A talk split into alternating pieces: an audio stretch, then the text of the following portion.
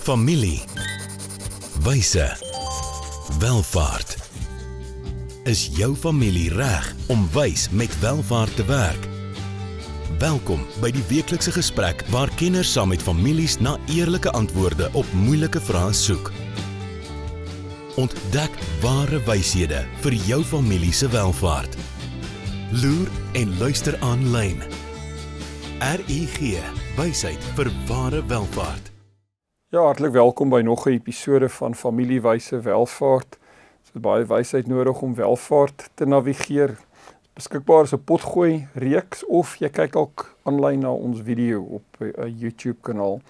Um, ek het vir Niels Groblaar, my besigheidsvernoot saam met my. Baie welkom Niels. Dankie wel doen hierdie nou al vir 'n tyd. Mm. Maar ja, Niels is 'n geoktroeëerde rekenmeester. Vertel ook vinnig verder iets oor jouself vir mense wat jou nog nie ken nie. Ja, yes, well, ek is uh, die voorreg om in 'n familiebesigheid te werk wat my pa voor my in was en en is nou al ja, amper 25 jaar op op daar daar betrokke. Ehm um, my oudste seun het nou ook in dieselfde rigting gekwalifiseer, so ons is almal op op daar dalk 'n kans vir om die familiebesigheid verder te sit, maar hoofsaaklik werk ons met families, so ja. familiebesigheid wat met families werk. Ja, ja nee, dit is great en meen. Ehm um, jou pa was een van die stigterslede van die besigheid. Ja, hoe, lank bestaan die besigheid? Van 1957 af, ja. So, so ja, dis in sy 60. Ja, ja, diep in die 60. Diep in die 60s, ja. ja. Nou goed, ehm um, My naam is Willem Later gaan. Ek is 'n welvaartbestuurder. Het baie sterker agtergrond in veral beleggingsbeplanning en, en welvaartbestuur. Maar ja, ek en Niels uh, help families in besigheid al vir baie jare. So of dit nou met hulle beleggingsbeplanning of hulle boedelbeplanning of hulle belastingwerk of hulle besigheidsstrukturering plaaslik of in die buiteland, ja, ons al met hierdie werk baie jare besig. Maar ons gesels in 'n uh, in 'n reeks uh, rondom 'n tema. Dis ons 12de tema waar ons um lekker praat oor beplanning. So dink diep oor beplanning van die vorige temas is ook op ons skool van wysheid vir welvaart opgelaai. Jy is welkom om daarna te gaan luister. Maar uh, Niels, kom ons kom by episode 78. Ek kan nie glo ons is al daar nie. ja, ja, 100 Leo met draai. Ja. Ja, so ons gesels oor die bestuur van die risiko van verminderde kapasiteit. Ek dink uh hmm moeilike onderwerp, maar ja. baie nodige onderwerp.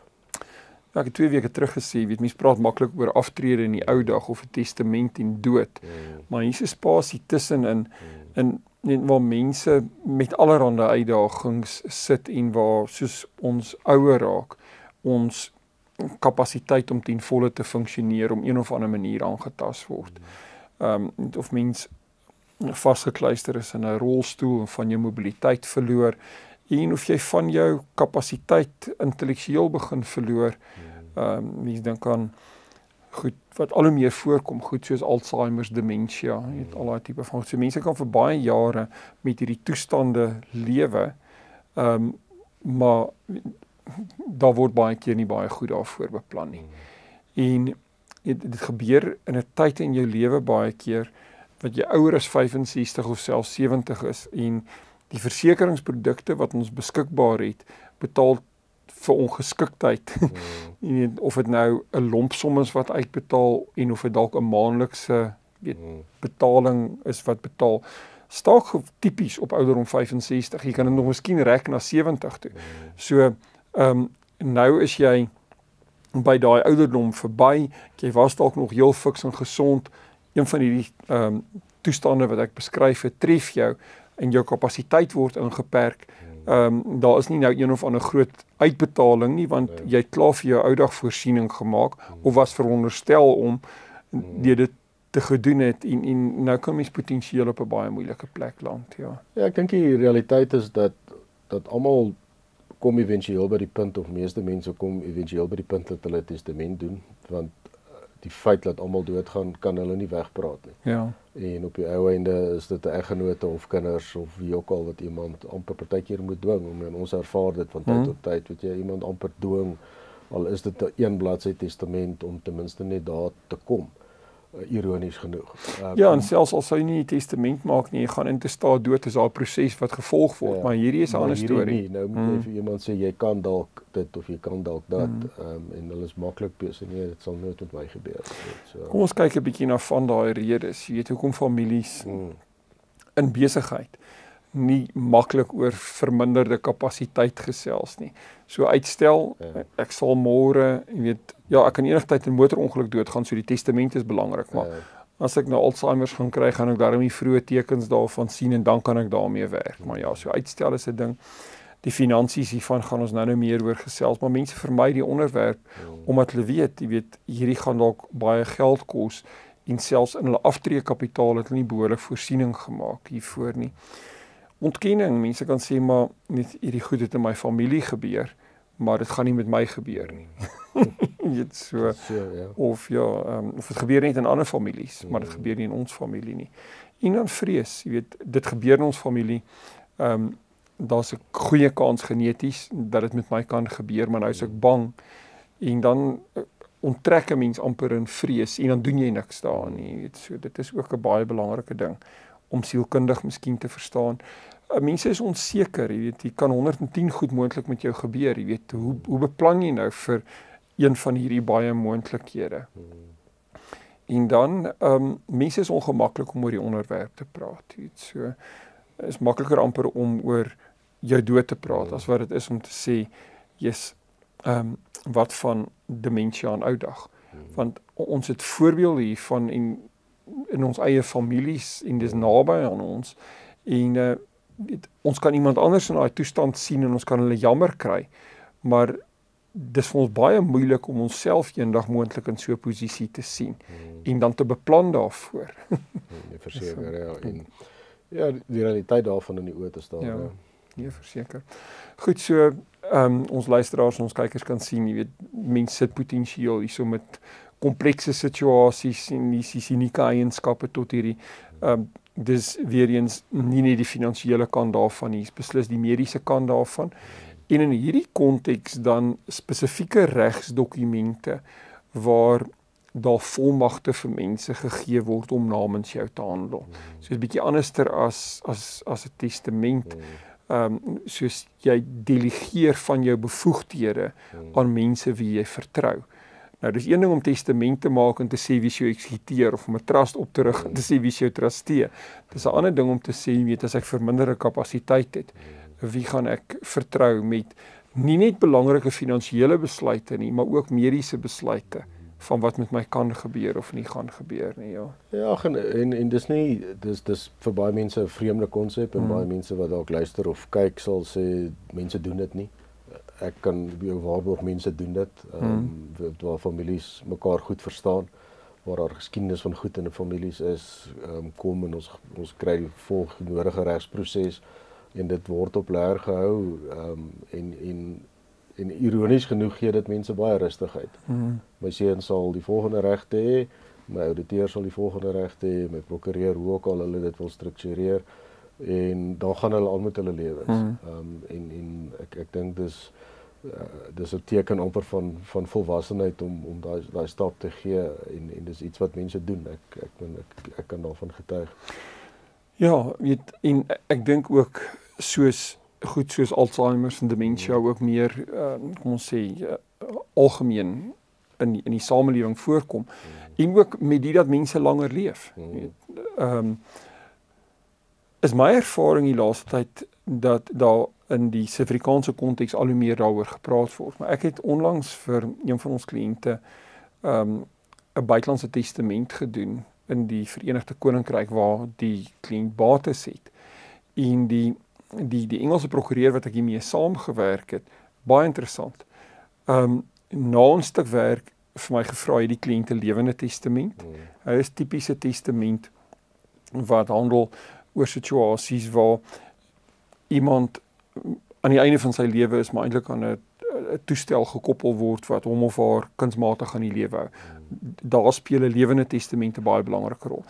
Maar waarvan ons hier praat is nie 'n situasie van 'n testament of 'n lewende testament nie.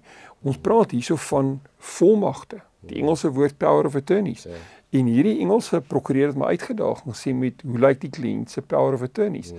En in in my internasionale werk hierso dink ek dis een spasie waar die Suid-Afrikaanse reg eintlik geweldig baie by ehm um, by die buiteland nog kan leer. Ehm um, so ek dink hierso is 'n baie opwindende ontwikkeling, maar dat families hierdie gesprekke moet hê en dat hier behoorlik beplan moet word en dat die definitiewe risiko's in hierdie spasie is uh waarvoor 'n mens moet beplan en dat mens hierdie risiko's kan bestuur. Ehm um, as van ons geliefdes naby ons of onsself met verminderde kapasiteitsuitdagings ehm um, dan sit. Goed, kom ons vat gou 'n handelsflits breek. Baie dankie aan RGG wie hierdie vir ons moontlik maak. Ons is nou terug. Hoe gaan dit met jou geld sake? En met jou, jy sien, in die soeke na wins, vergeet jy soms om jou beleggings met jou waardes te belyn. En dis wanneer dinge begin skeefloop. So, het jou beleggingsportefeulje waarde en ook waardes. RUG Adviesdienste sorg dat jou beleggings by jou pas, sodat jy trots kan wees op elke maatskappy waarin jy belê. Hoe jy geld maak, maak saak. Belyn jou beleggings met jou waardes. Kry jou finansies op koers met 'n persoonlike padkaart na ware welvaart. RUG. Wysheid vir ware welvaart terug. Niels as mense nou by ons aangesluit het waaroor praat ons? Ja ons praat oor die bestuur van risiko's van verminderde kapasiteit. Goed. Ja. tipies ehm um, ongeskiktheid. Ja goed soos Alzheimer demensie daai tipe van goed wat wat wat mense al hoe meer weet beleef met met 'n klomp uitdagings rondom dit. So ons 'n bietjie gesels oor hoe belangrik is dit is om te beplan daarvoor en dat 'n mens jou finansiële en jou boedelplan sal sal hersien ehm um, in die proses volmagte speel 'n baie baie belangrike rol hierso. Maar dat mens ook teruggaan na jou regsdokumente en dit sluit jou testament en trust akte en as daar reeds volmagte in plek is, dat 'n mens net kyk of hierdie dokumente dalk verouderd is.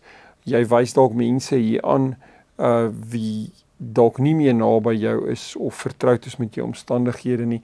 So wat ontsettend belangrik is in hierdie um besluite is dat dit iemand baie naby aan jou sal wees wat jy letterlik met jou lewe sal vertrou. En dit moet prakties ook wees. Dit moet iemand wees wat ehm um, jou kan bystaan in in dag tot dag. Ehm um, goed. En as dit hier by geld kom, is dit ook belangrik dat mens baie versigtig sal wees om nie byvoorbeeld kinders wat jy nie met geld kan vertrou, hmm. weet te naby aan die aan die geldpotte hier toe te laat nie ja. Ja, my ervaring hiermee is dat dat dit die beste werk in spanverband. Ja. Jy weet dat dat jy 'n groep adviseurs het um, en familie wat wat eintlik elkeen 'n plig binne hierdie struktuur het en ons sê in die oudit wêreld altyd verdeling van pligte hmm. um, is 'n manier om om prosesse te beskerm. En en as mense dit dit reg doen, dan dink ek kry mens baie reg ehm um, sonder om um, mense se bates in gevaar te, te stel. Nee, verseker want jy weet in so 'n situasie is so 'n persoon baie keer kwesbaar en kan daar baie maklik misbruik gemaak word uh van die van die persoon. So om die die keuse van jou adviseurs te hersien en seker te maak soos wat Niels hier voorstel dat hulle 'n goeie span vorm is baie belangrik. Ja, en en dan moet mense die weet die nodige veranderinge maak um, as dit beteken dat daar sekere aanpassings by jou huis gemaak moet word, sekere versorging, weet wat dit ook al alles mag behels. Ehm um, dit waarvoor die familie so finansiëel beplan het dat hulle dat hulle dan ehm um, uitvoering kan gee daaraan en dat elke persoon in hierdie span of dit nou uh, noem dit nou mediese versorging aan die een kant is en of dit nou finansiële ehm um, versorging is en ehm um, daar's 'n klomp ander praktiese goed wat hiermee saamgaan ook ehm um, die teken van regsdokumente ehm um, waar daar miskien transaksies is, weet waar iemand namens die persoon eiendom kan of moet verkoop in terme van 'n volmag, dat mens seker maak al hierdie goed is net uh, is in plek.